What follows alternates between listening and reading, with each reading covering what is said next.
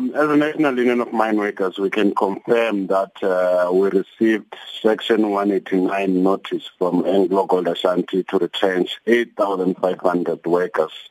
For us, this is this is shocking, and um, we are going to have an NUM AngloGold Ashanti uh, National Shop Steward Council to to map the way forward.